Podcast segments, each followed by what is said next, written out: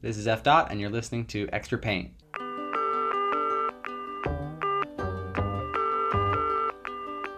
Hey, my name is Eric Friedenson, aka F Dot. Welcome back to Extra Paint. This is a podcast for muralists, art lovers, and artists of all kinds. In each episode, we're talking to a different artist or maker who is dedicated to their craft and making an impact in their community. Today we're speaking with two guys who work with a ton of different artists on a daily basis, helping them work through projects, elevate their artwork, and even help local artists get projects. Joe Geis and Jeremiah Britton work together on the WeWork art and graphics team, previously known as Lunch Money. If you know what Lunch Money is, that's cool. They have cultivated a crazy talented community of artists around the globe over the last few years. They both also have their own artistic practices. They've even collaborated on murals in the past at, at festivals. I can only hope to see more pieces from them in the future. And what's cool about this episode is I'm basically interviewing my previous boss. Well, both both of them were my bosses. Joe was the head of art and graphics, Jeremiah was a creative director. So we're going to go deep into the process of what we actually did working together for three and a half years when I was there. They really helped me expand my art into new realms, and without that experience of working with them, I really wouldn't be here today doing what I'm doing. So, to break it down a little further in this conversation that we recorded earlier this year, before the pandemic. Joe and Jeremiah shared their tips and an honest perspective on the art world. We also got into sharing some of the tips for getting started with murals, getting your first client projects. I really hope you enjoy this conversation. And if you want something visual to look at while you're listening to this, well, you should probably go check out their work. Joe and Jeremiah are on Instagram. That's Joe Geis, Joe underscore Geis, G E I S. And Jeremiah's Instagram is it's Jeremiah B.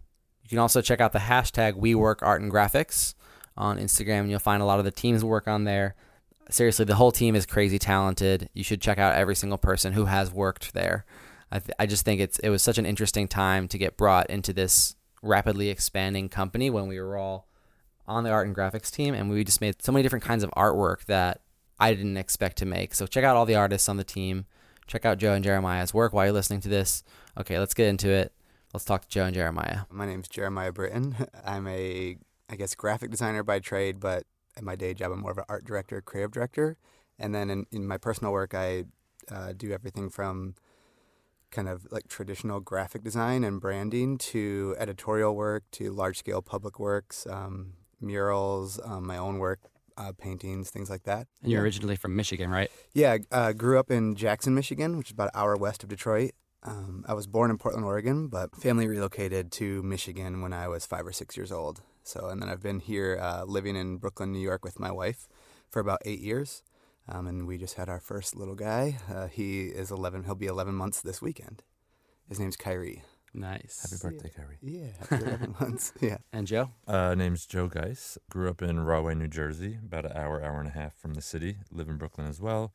Similar kind of start as Jeremiah studied graphic design, kind of did that in the beginning of my career and have kind of transitioned over the last few years into doing more illustration pattern mural work. Cool. Well, I thought maybe just starting out, we could tell tell a little bit how I met you guys and our story in the past. Uh so as many of you might know, I worked for about three and a half years at WeWork on the art and graphics team And that was how I was introduced to Joe and Jeremiah. I remember I was freelancing. I wasn't really looking for a job back in 2016 and I get this weird message on LinkedIn from a from a recruiter. That's so funny because we didn't do much recruiting through LinkedIn. Yeah. Um and they just told me they were building this team of artists and designers and even getting to do murals and illustration and the job just sounded like too good to be true. So, even though I wasn't looking for a job, I gave it a shot and I replied and I ended up scheduling a meeting with the two of you guys. I guess it was about 4 years ago now, almost. Yeah. I just remember being blown away by not only the office, but the team and the role that you were hiring for, and I just had to give it a shot. And so fast forward 4 years later, so much has, has happened and with, with all of our personal careers and with, with the team. What was your side of, of this? Like, what did you think uh, when you first met this hungry little dude who wanted to like paint letters everywhere? yeah, well, I think, you know, like Jeremiah said, we had not done a lot of recruiting at that point. Like that was kind of the beginning of the growth of our team. And definitely the first time that recruiting had ever kind of come to us with somebody that was kind of, you know, on the nose what we were looking for. A lot of the people on our team, including myself, didn't have a whole lot of installation experience, you know, previously. And we were kind of left to, you know, our own imagination to kind of see how that work would translate to installations and murals and kind of larger scale stuff but you were one of the candidates or people that we kind of met with who actually did have some of that experience prior. So it was kind of nice to see that you had those hands-on skills and, you know, kind of motivation to kind of do that work. Yeah, I think as we were trying to build the team, it was it was really tough for one I don't think we knew what we were doing. Um yeah, definitely. There was a couple of us painting on walls and making neon signs and custom wallpapers and things like that. But we didn't know for one we didn't know how to be managers and global art directors and you know department figureheads and things like that at that time so we didn't know how to staff a team. But we were just looking for people who one we just thought we would get along with. You could sort of tell by their their attitude or the way they carried themselves either online and there was all these online communities at that time. There was like Instagram I think was really starting to take off for our sort of world art and illustrators and graphic designers but you had like Dribble, you had Behance, even Twitter at the time. Yeah, Twitter. At, that's yeah. how I met a lot of people for from that's design. That's how Teresa and I met. Yeah, yep. um, that's how I got my job at WeWork was Twitter. You could sort of see the way people carried themselves online. And you were, I, I think that person's pretty rad. I mean, that's kind of how Joe and I met was Twitter, Dribble, seeing some of those online projects and things like that. So I think already having you come in, we sort of already knew what we were getting into. A little bit of like, oh, this person seems similar to sort of how we're carrying ourselves online, interested in the same things we are and then just the fact that you were hungry to make a lot of work i think that's what we we needed people who we would even ask this which maybe is inappropriate in an interview but we would say like are you taking on freelance work? Or are you making side projects? Because we wanted people who eat sleep and breathe making work.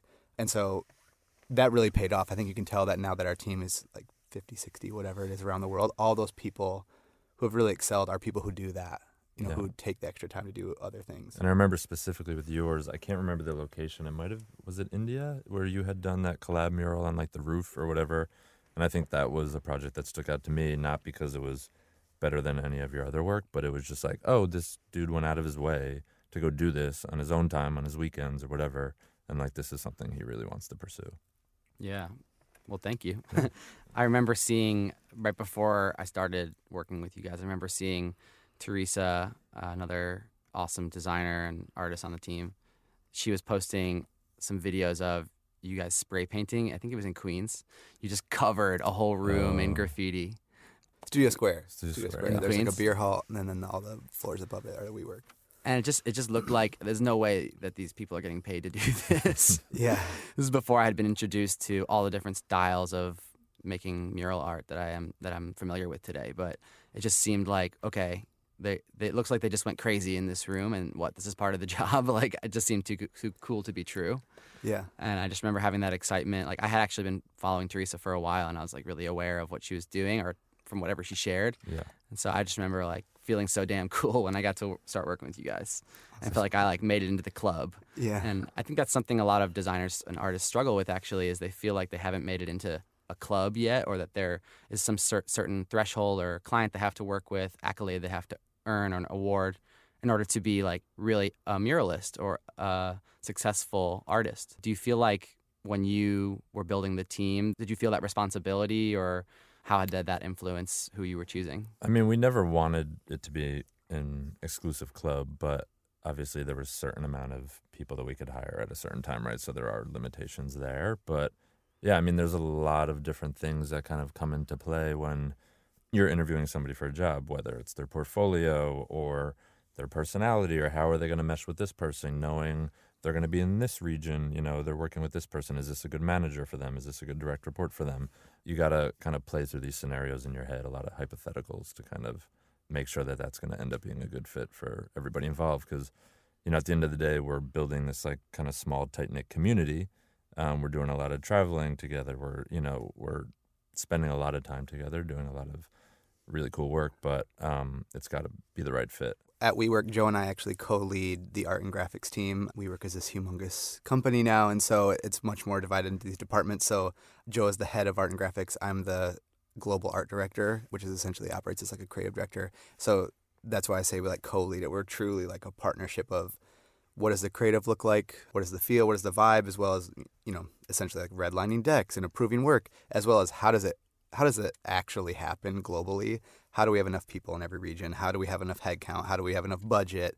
Do we need to be more efficient with our money in this region? Even just like how do we recruit? Things like that. Um, so that's sort of Joe and I's actual role. But the art and graphics team has been around for about five years now, I think, right?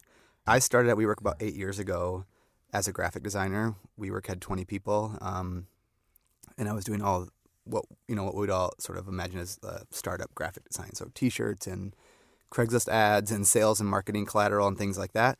But I kept sort of saying this brand seems so much about self-expression and so much about creating this environment that just feels fun to be around.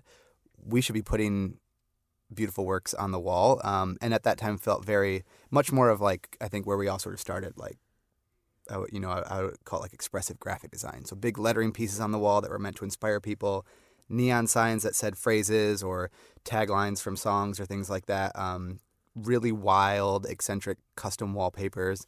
As we started to do that, which didn't happen right away, I sort of had to like keep convincing people. They were like, sure, that sounds great, but we really need you to finish this legal document by the end of the night. You sort of had to prove prove your worth. And so back then we would stay at work till midnight every night. And this is before Joe started. I've stayed till midnight. Well, absolutely now. Yeah, absolutely. Basically I had to prove your worth. So I started to do a couple things at night at work without it being actually part of the job. It wasn't asked to, we need to do a mural in Brooklyn or we need to do this project here or there. I would just do it. And then people would come in the next morning and say, how did that mural happen on the fourth floor of this building? And then, okay, well, let's do that all the time. And so I'm like, sure, I would gladly do that all the time, but don't forget you asked me to do that legal document.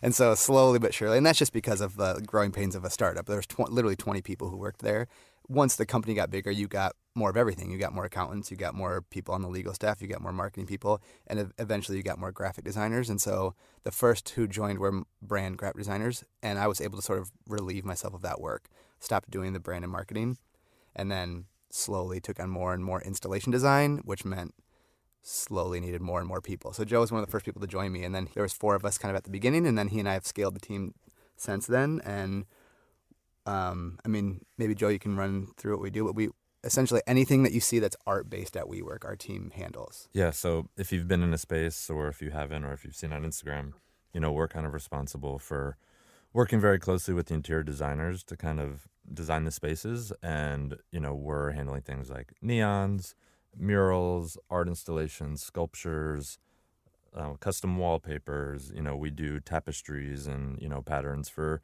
pillows and seats and blankets and stuff like that. So we're kind of immersed into the whole, you know, experience there that the members are having throughout their day. Yeah, and as Jeremiah mentioned, you know, I joined almost 5 years ago. Um Teresa Wozniak and I started the same day or same week rather. And then since then, you know, we now have team members in 11 different cities and it's just grown rapidly, wildly. What's the motivation for you? Like you talked a lot about what you do on the team, but what's the motivation? What's the why behind all of this work? I mean, our our team definitely has its own values, almost like we're our own agency. We we we literally have written them down and said this is what the art team believes, this is how we approach our work at WeWork. But I think in general, WeWork as a whole sort of values all of these these things that feel bespoke or unique to whether it's every building or every experience that you might have. I, honestly, I think it's because it's like we think that people are worth it or that even ourselves are worth it. That if you're going to spend 12 hours a day at a job, no matter what that job is, you at least should enjoy it or have something beautiful to look at or have a really great experience meeting people next to you or um like everything you do throughout your day should feel something that you're excited to be around and I think that added art layer is something that everybody notices. We we had done something like this together as a team before a couple of years ago where we had made a video and Jocelyn Sai who's an illustrator muralist was on our team and she says something like no matter what we end up making at WeWork as long as someone could sort of take one moment out of their super busy day and realize like wow that thing is really cool that thing's really beautiful or it just helps them sort of take a pause and say well they like actually considered that that's sort of enough for her she kind of hit the nail on the head there is like it's not necessarily have to be the greatest art piece or the whatever. It's just this thing that feels special, it feels bespoke, it feels unique to that thing. And because of that, it shows that we care about the other people that are around us. And I, I think that's sort of my why or why I stay doing this thing at WeWork or why I stay wanting to make art public artwork. Um, it's just because it's like, it's kind of that simple. Like if other people enjoy it, then what like what a cool thing to say that you just get to make things for other people that makes them have a nice moment in their day. Yeah, and I mean with WeWork specifically, I think the reason you know I joined at least at the time was it it seemed like probably the most unique experience I was ever going to get at a job. You know, oh so I get to travel around and paint murals and paintings and make neons and stuff and hang out with my friends and hang out with inspiring people who are going to challenge me every day. Like, yeah, that sounds like something I want to do. I would assume that a lot of people on the team kind of feel that same way. You know, just consistently inspired and just like that's go along for the ride. Like who knows what this is going to be like in a few years. Yeah. Like you know, in 2015, there's no way we would have thought it would be what it is today. Yeah, and I think the success of our team or the the, the reason so many people have stayed or the reason we st almost feel like this kind of collective, whether some people have moved on or not, we still kind of feel like this unit of, what is it, like 80 plus people now, is that spirit that we talked about a little bit ago about being sort of like open and willing to share and willing to work together I, I don't think actually anybody we've had some people come and go or just maybe it wasn't the right fit pretty quickly. Most people have stayed for a while just because you feel that energy and you feel like you're a part of this collective. But that sort of like willingness to share and willingness to be a part of a team we haven't really had anyone who's come in and said like I do this thing or I or I'm not willing to share or wait wait wait that's my style that's my art I'm not a part of this team it's yes I work for you but I'm XYZ illustrator and this is what I do and I'm not willing to share. Everyone who's sort of come on and stayed for a long time, which I think I mean at this point everybody I think has stayed more than a year, which is pretty cool to think that's 80 people. Most people have stayed for 5 4 or 5 years now at this point. It's cool to think that all of those people have stayed that long and that they're all really excited and interested to be a part of that team and share and do work together. One of the things that by nature of the scale of work that we do, we have teams in 11 cities in what like six countries or something like that, seven countries, nine or 10. Nine countries, 10 countries. And we're opening up hundreds of buildings a month. That's a lot of actual artwork, like individual pieces of artwork, and the only way to achieve that scale is to share work. And so Eric might do a black and white illustration of a forest and I and we share that through this like Airtable archive that we have. You might imagine someone would say, "Don't touch that," you know, and and it's, it's just a part of what we do is to say, "Eric, I love that drawing of that forest you made. Can I can I borrow that file and adjust it to fit my new project in Shanghai or my new project in Buenos Aires?" And you grab the file and you edit it to be a little bit more localized or change the color. And instead of being like, eh, "Don't really touch that," people are actually excited to do that. And you'll see on Instagram or on people's websites, they're sharing when oh my gosh, I'm so excited. Eric just painted my art piece in Buenos Aires, which means now the thing that I made got to show up in Buenos Aires. Or I can't believe that Yayi illustrated my mural in Shanghai, but she added a cool color. Like it looks so great. It's really cool to see that people are excited about sharing with each other. And I, th I think that's the success of our team. Yeah, people aren't so protective over every little thing. And if they feel like something is overstepping a boundary, they're not going to be a dick about it. They're going to yeah. be cool about it and just say like, you know, try to solve it case by case. Yeah. I think we all leave, you know, kind of a little more collaborative. Like I know, you know, you know, we all kind of come in with this ego, right? And to whatever level that's at, you know, for everybody, but I think that one thing we're all kind of taking from this is just realizing how awesome it is to work with a group of, you know, like-minded people and everybody sharing and collaborating and you know the the ego kind of dissipates when you're in an environment like that. One of the questions I got which you sort of started to answer was that it seems like a lot of the artists that have joined WeWork the WeWork team have broken out of their usual style. What are you doing to enable and push these creatives to make new and exciting work outside of their comfort zone? I mean, you could elaborate on this, but at the end of the day, like Jeremiah said, there's a lot of actual physical tangible work to produce and it can't all look the same. So, you know, just stemming from that, you're going to be forced to kind of draw or sketch or paint outside of your comfort zone and try new techniques and try new materials and try new colors. And, you know, from that alone, I think people have kind of found new styles for themselves or found a better style for themselves by pushing themselves out of the outside of the comfort zone that they kind of arrived with. Yeah, I think I'm a perfect example of that. Like I came into the job expecting to do my a lot of lettering. A lot of lettering yeah. and I was down to try everything else. But if you compare my work 3 years into the job and and now, I guess 4 years after I started to when I started, I feel like it's totally done a 180 and I and I'm making so much more work that feels like me now. And I'm not afraid to break barriers and break outside of these labels now and make abstract art and make illustration work that may or may not have lettering incorporated into it. These things that designers and artists just get stuck doing like, oh, well, I call myself a, an abstract artist, so that means I can only do abstract art or I can only share abstract art.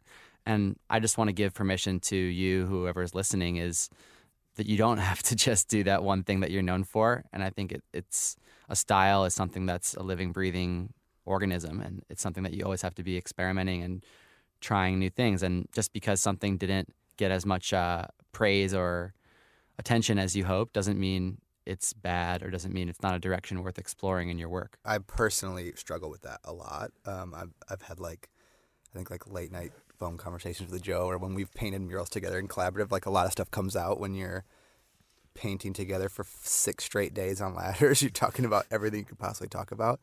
I really struggle with that. I think I'm very drawn to like edgy contemporary brutalist graphic design, but my day job is curating art and pushing an art team to make a wide breadth of work from super wild oil paintings that feel very sophisticated to really silly lowbrow 8-bit like pixel illustrations of deserts for wild wallpaper in the bathrooms.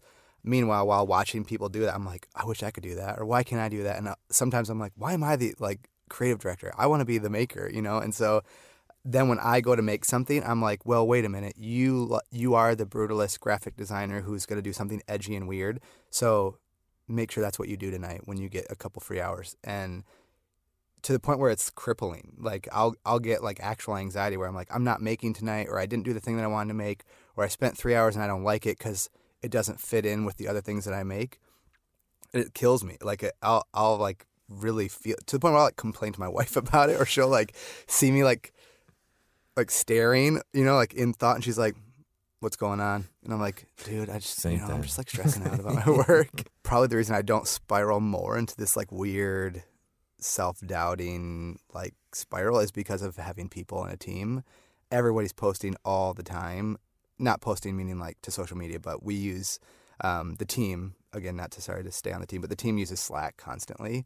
And there's 75, 80 of us who are just being like, I made this, I doodled this, look at this, as well as we're all hyper connected through our social media channels. So we're always DMing each other when people are posting their sketches or um, sharing their work. That alone sort of keeps me excited and trying to be, do new things and not feel so like hyper focused on I need to do this thing or you're supposed to do this this thing comparison is real, man. I was looking at your your mural that you both did in Michigan last year. Just to have that in your portfolio and that's so you guys, right? It's like you you both seem like you're really proud of it cuz you you're still talking about it. Yeah. And well, it's cuz the only thing I ever That's not true. That's not true, man. Come on. You're still talking it's about that. Yeah, was that a jab? You're still, still talking uh, about it, bro. No, I do that too. I mean, it was last year, right? Yeah. Yeah, but it's one of the coolest pieces you've ever done. So I think that's just to have that is like so many people see that and they're like, "Oh my god, I wish I could have something like that in my portfolio or get a permission to do a wall that large, have a sense of my like a self-awareness of my own personal taste and my style so that I could make something that feels fresh like that because it really does feel fresh and it's site specific too." and still we get super hard on ourselves and yeah. we say it's not enough or what's the newest thing and enough. and like so what do you do at the end of a project like that to celebrate and reflect and and enjoy or are you are you are you good about that or you feel like you need to do that more I'm terrible at that and terrible. that's actually my new year's resolution is to celebrate the little things just not even work wise but like I feel like I'm just going going going all the time and then I do something that a few years ago I would throw a goddamn party for. and then now I'm just like up next thing like sleep and then next thing and I need to celebrate more because I have a pretty good life and I do some cool shit. I mean, I think that project for the both of us was super challenging because not only do we struggle with our own styles and own projects, but then like you put us in my kitchen together at 11 p.m. on a Tuesday, like, oh, what are we doing? Like, yeah. you know, and we're trying to figure out how we kind of combine his style with my style and then on top of that it's the largest wall either of us have ever had and then on top of that we decide for whatever reason that we don't want to paint it we want to spray paint it and neither of us know how to use spray paint and then like we just yeah. kept making it harder on ourselves yeah. but then at the end I just remember being so excited that it was done and just like stepping back and being like holy shit and Jeremiah's yeah. whole family was there and it was just like this really nice moment it was really yeah that's one of the first times I and I remember being aware of it, which I think maybe that's another thing to think. It was like celebrating or being aware while you're doing it is really nice. That was I think the first time where I felt myself thinking this is sick. Like while I was like spray painting the gradients because neither of us had any clue how to do that. So if if you were to watch us on day 1, when we got done we were like yikes. Like these this might not work. Like these gradients don't look good. It's not smooth. The transition is rough and that's the magic of paint and spray paint is you can go right over top of it and you know just literally fix your mistakes right on top of the other. But once we got the hang of it there was a couple times where we're both spray painting or we have our headphones in or we're like blasting pop punk at like 2 in the morning in this alleyway in in my hometown. And we're both just cruising with spray paint. And I was like okay this this feels good. This feels like we're actually kind of we we set out to do something new and we're we're kind of grooving right now and that, that felt really good. So this was part of bright walls right? Yeah, Bright Walls Mural Festival, yeah. Tell me a little bit more about it because I know you were involved in planning, organizing, curating for that. Bright Walls is a public art festival in my hometown of Jackson, Michigan, where I grew up. Kind of modeled after the, all of the other sort of mural festivals you've been seeing popping up, specifically Murals in the Market, which is a festival in Detroit. And so because of that and because of what we do as a job, I kept telling people, man, I'd love to do a mural festival in my hometown, a, a small town in the Midwest that's super blue collar, really need something that just feels positive and feels good and why not share something that I have a lot of experience in and can help plan? But it just never happened. Living in New York City and being really busy with work. So about 2 years ago literally got a phone call which is funny because I feel like that never happens anymore like full on cold call. And I answer the phone and it's a friend of mine who we went to school together at Central Michigan University but he was a couple of years behind me and and so we didn't really have classes together so I didn't honestly didn't really remember who it was when he called and he just basically like cold pitched me was like hey I remember you from school I always admired your work I've been following your work online for a long time. I run this um nonprofit in our hometown called Jackson Young Professionals and they basically do lots of things to help young people be excited about living in our hometown. So they host lots of different events everything from small networking events to big kind of like festival level events, beer festivals or things, you know, all different types of things. Would you be down to sort of help us like tell us what it means to make a mural festival? We literally have no idea. Do we have to pay the artist? Do we have to get permits? Like what do we do?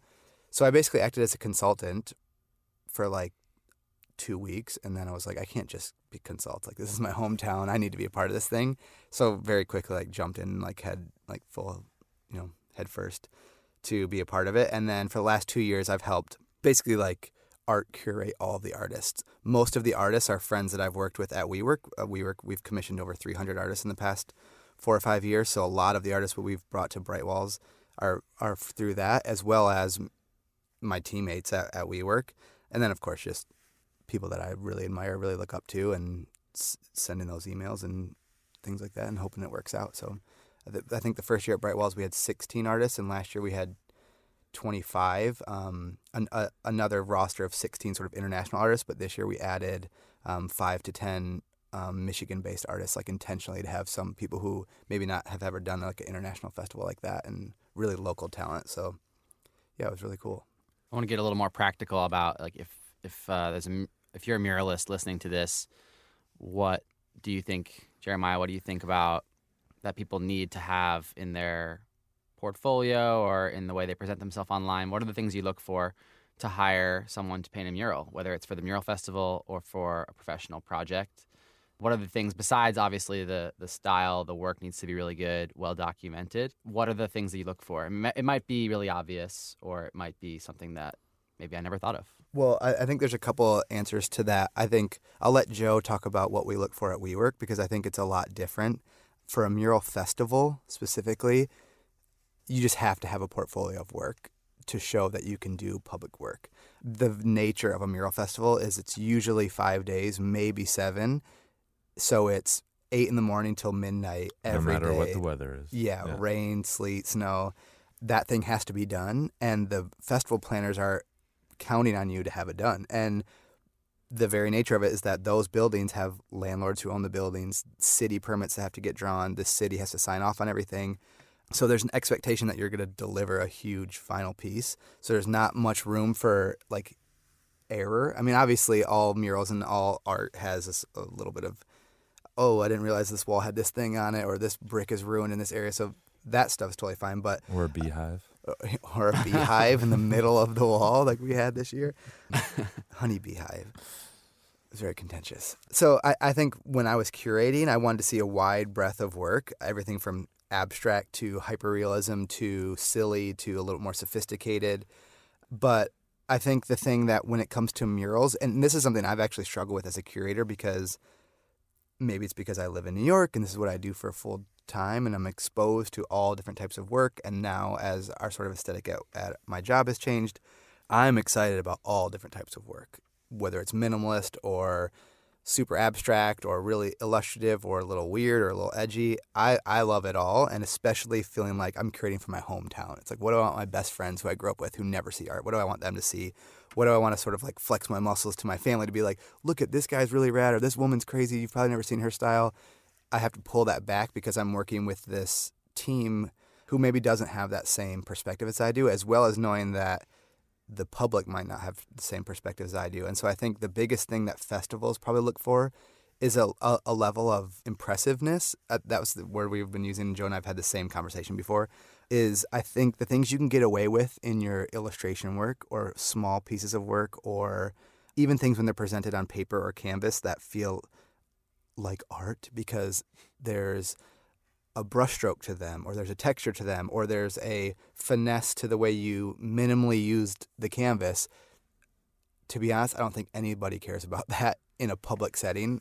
They want to say whoa how did they do that? So either whoa how did they pick that beautiful color palette? or whoa how did they make that mural look so hyper realistic or how did they do that lettering piece but it also looks like it's 3D and it's coming off the wall? I think people who are not immersed in the arts every day, they want to say, wow, I can't believe that's in my hometown.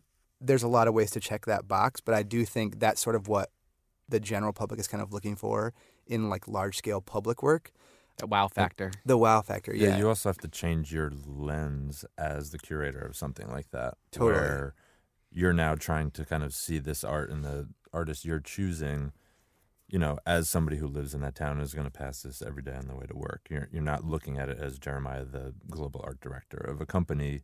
You know, you're looking at this as you know somebody who works across the street. Totally. Yeah. How digestible is it, and how relatable is it, and you know. Yeah, absolutely. And I, I think that that's the other way too. I mean, one is a couple times I had to like check myself a little bit of like it can't all be people that you think necessarily maybe like the freshest or doing the things that you haven't seen before. Some of it needs to be a little friendly or and not friendly meaning the content is sweet, but meaning like approachable. Approachable. You yeah. can sort of get it. As well as I really wanted to push a little bit. I think even our work pushes a little bit. So many times people would say, "What is it?" And we're like, is nothing. it's it's just beautiful color or shapes and but that's okay. People want to see something in the work, but I definitely think you're right. It's like at, at the same time pe that exactly people want to walk by it and I I I had to push back a lot on the team because I think there's a lot of artists out there who make work that's super impressive. That's like it looks like an oil painting. It's hyper realistic or it's has a crazy like almost like optical illusion to it or things like that. And I kept trying to say like, are you sure you want to see that like 80 foot tall in your sweet Midwest downtown? I agree with you. That's very impressive that that human can execute on that. But don't forget this thing is permanent and it's huge. And so I was pushing back a little bit as well to the team of like, are you sure you want that weird thing on the wall forever? As well as guys, I actually think this is okay and I think you will enjoy this. This person does do this sort of work that maybe it isn't another face of a celebrity or whatever it is. No knock on you if you paint celebrities' faces, but you know what I mean? Like at, at one point it was like if if we curate one more person to this festival that does a face, I'm going to scream. Like we got to, you know, curate I promise you, trust me, it's going to look nice. And so I I do sort of think we did a nice job of balancing balancing that out. Um but it's it's definitely different than what I would say is one we would curate into our spaces in an office space as well as actually who we look for. And I think Joe can probably bring that up a little bit, but it's not necessarily like, oh, we only hire muralists. It, actually, probably far from that. Yeah, I mean, one thing I always kept in mind is that Jeremiah hired me without having a single mural in my portfolio. So, you know, going into that and growing in my role and being, you know, put in charge of kind of the recruiting and the scaling of the team – you know, I had to kind of look at people's portfolios and kind of imagine that transition, right? Like, okay, this is a really cool abstract illustration on a t-shirt, but now me in my position, I need to, you know, think about how that would look on a 10-foot wall or whatever. And does that translate well or does it not translate well?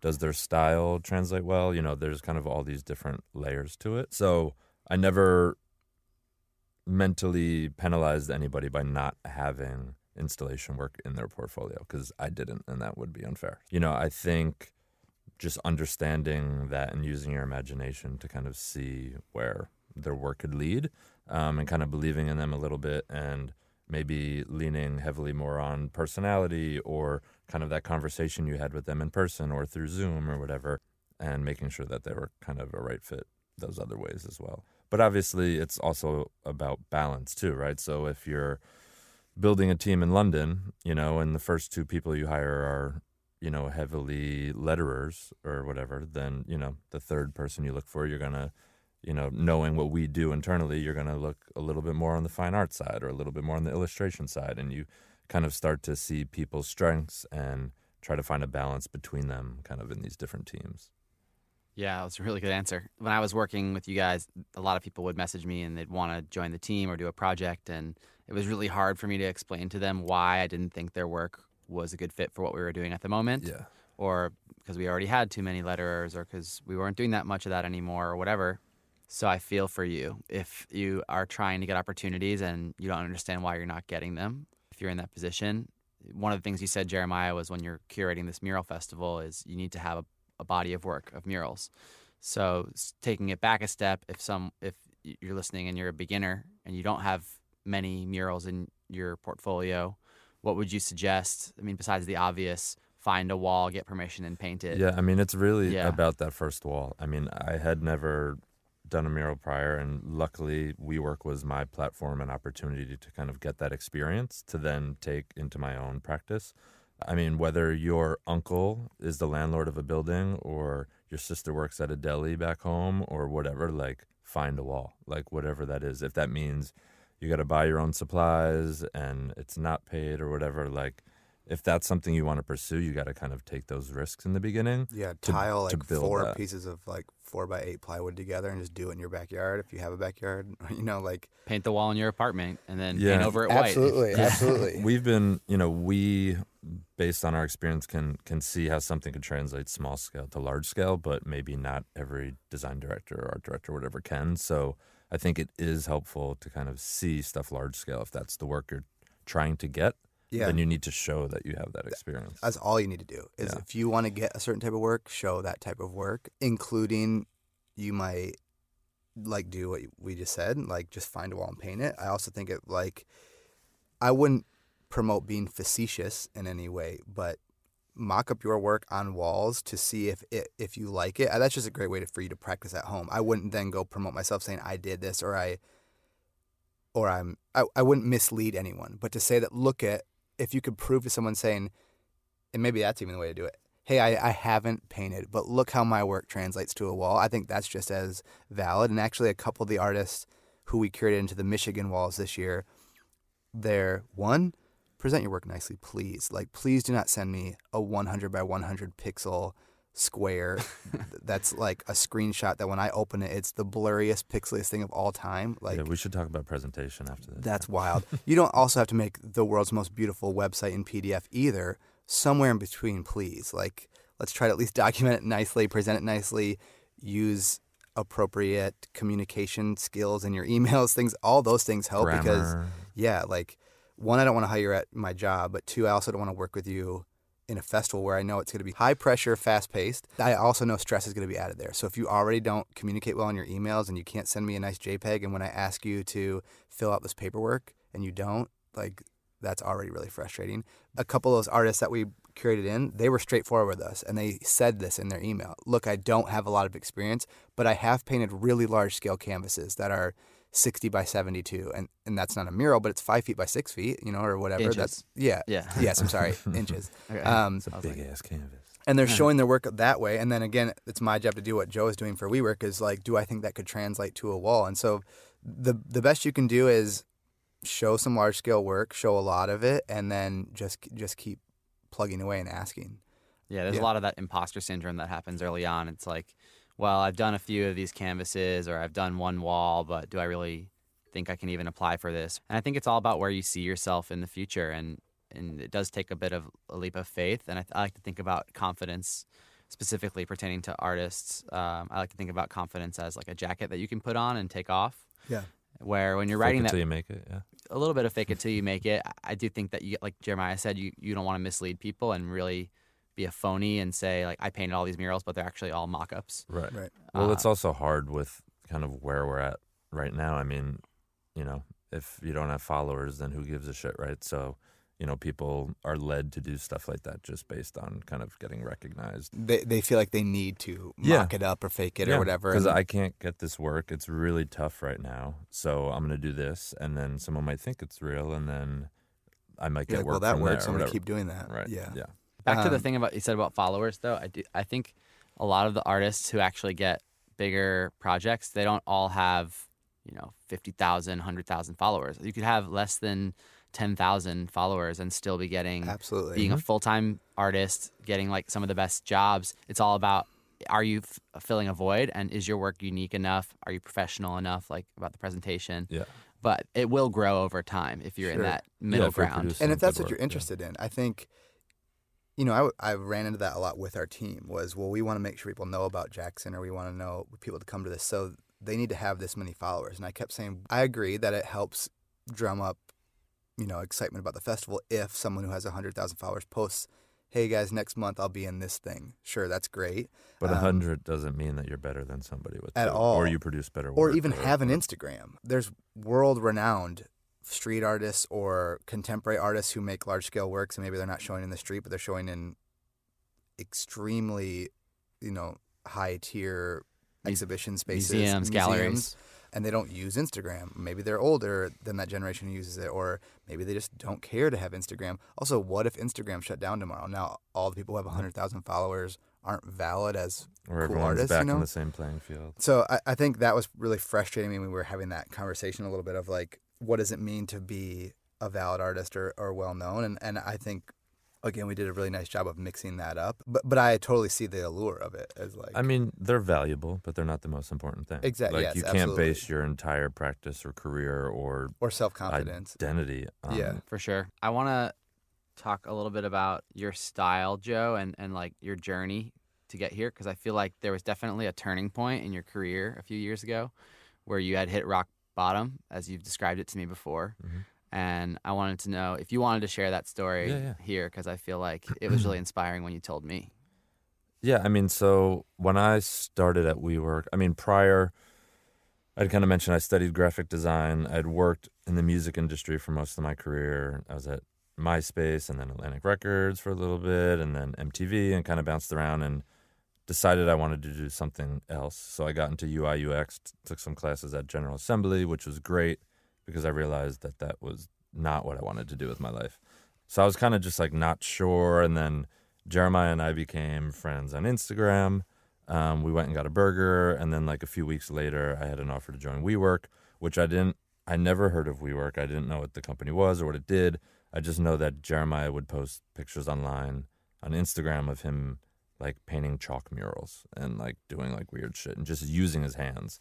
So I was like, all right. So I had a conversation with my friend and he was like, you know, why don't you take this job and kind of get back to the roots of why you fell in love with like art and design and stuff as a kid, like go paint on some walls, make a mess and kind of see what happens. So I didn't have any real expectations coming into this opportunity, but I know I wasn't happy with the work I was doing and it wasn't really fulfilling and stuff like that. So very shortly after that, I had some kind of health issues that took place and sent me to a really dark place and was dealing with a lot of anxiety and depression and stuff like that and for some reason like just doodling and like making patterns and stuff was like a really therapeutic thing for me to do like just at home in my kitchen. So I'd put on a movie, I'd get a piece of paper and I would just draw little squiggles and whatever and kind of creating balance and movement and stuff in there at a time in my life where I didn't feel like I had balance and really didn't want to move. I don't know, it kind of brought me to this place and kind of was like an escape for me. So yeah, that's kind of how I started doing that and I think that kind of work also came from a place where being, you know, in this design world and art world, you know, you're surrounded by talented people consistently and I couldn't draw a person's face or a hand or a knee to save my life. So I was like, okay, I didn't feel confident enough as an illustrator to kind of do work like that. So how can I still draw and use my hands but do something that's like that works for me, I feel fulfilled with and I'm also like happy with the final product. So that's kind of where that started about four four and a half years ago. And then from there it's just kind of expanded and now I'm just kind of having fun with it and seeing where it goes do you feel like this new direction for your work and for your your personal projects which led to your professional projects helped you get through that period of anxiety and depression that was like super heavy? And did you feel a moment where it just kind of disappeared for a while? And then I'm sure it, I mean, we all struggle with it from time to time but I know that like you described it to me as rock bottom. Was there like one project that you got to work on or one day where you were like wow I think this is what I need to, to devote myself to more? I think it was more gradual for me. Um, but I mean, even now, you know, I don't, I don't know if that stuff goes away. You just kind of work at it and kind of build the tools to be able to kind of, you know, handle your shit a little better. But I think even now, if I'm having anxiety or whatever, like I know that drawing with a Sharpie and an 8 and a half by 11 piece of paper is kind of an outlet for me or a tool for me to kind of like deal with that. Um, so yeah, I think that that is still going to this day and I assume that's going to be kind of an outlet for me for a long time.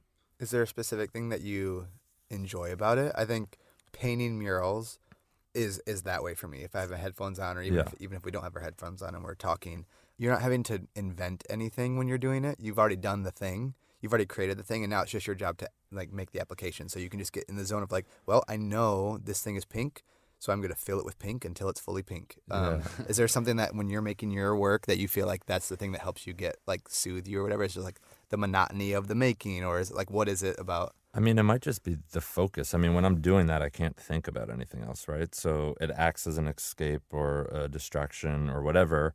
And it, at the same time, it's therapeutic and kind of calms me down and and then if I'm happy with it, then it's like puts me in a better mood too, right? And usually when I'm doing that stuff, I mean when I'm not that I'm never anxious when I'm painting a mural, but at that point I've usually already gone through that. I've already designed it and like right. whatever, so I've already kind of dealt with that. And then the actual installation part to me is the fun part, you know. Yeah. Put on some music, hang out with your friends, you know, meet some people, meet some locals or whatever and you kind of just you travel to a new city you've never been like that's the fun part. That's the reward for kind of all the other self-doubt and stuff that kind of came in the beginning of that process. Yeah i love that uh story of how you kind of dug yourself out of this hole just by doodling because i have been doodling my whole life but i didn't take it seriously until the last few years. I thought that design was this whole process and you needed to do all these steps and have just this elongated sort of struggle to get something that's finished and beautiful. But the thing I love about your process that really inspired me the last couple of years was that you just doodle it until it's done and it's kind of done. You can manipulate and make options from there, but it's also a process that you can make something in one pass without sketching or with sketching, but without sketching it, it really frees frees up your your time and like your attention to let's do this really intentionally it, it is doodling, but it is very intentional and like careful at the same time. And I just love that process and I fell in love with it. And I, think partially it was cuz you exposed me to it.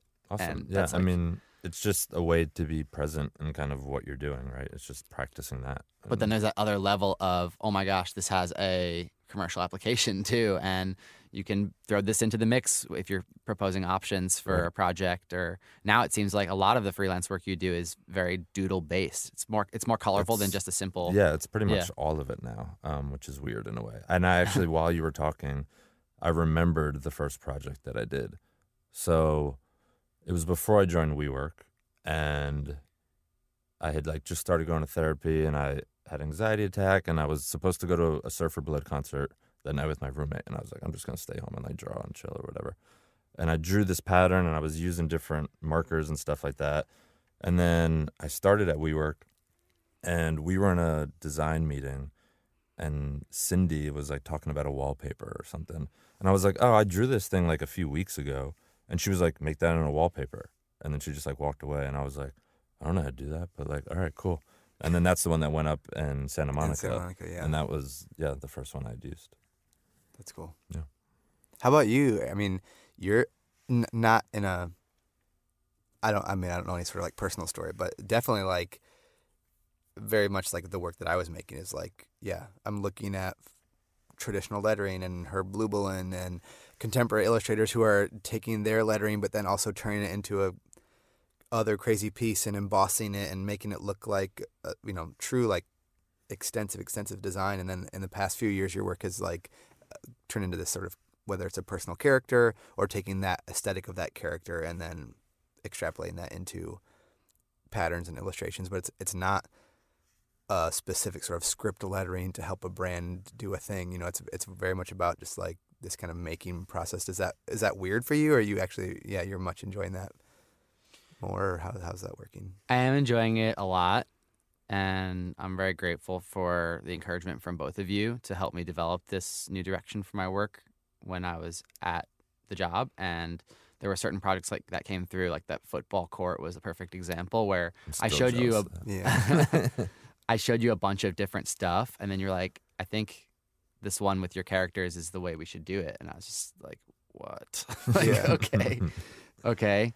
And so I think that project and then a few other ones like the Escher inspired one I just felt like I was really onto something and I was getting approval and permission from you guys and that really like gave me the confidence to do a ton more, pitch that to my other clients and say like we could do something that's really straightforward and it has your your brand values in it or we can do something that's more abstract and it just has this general feeling of connectedness. And I've started to incorporate these different themes into my work using the characters using the the doodle style and like the minimalism of this signature character that I've developed. So I I think I've really been enjoying it. It is still weird because yeah. I have all this training in how to do more traditional graphic design and lettering and type and I don't really use it that much anymore. So it is a little weird and people don't even realize that I know how to use like illustrator because I a lot of my work I just share the physical product and yeah. they assume that I just paint all day every day but that's not really the case.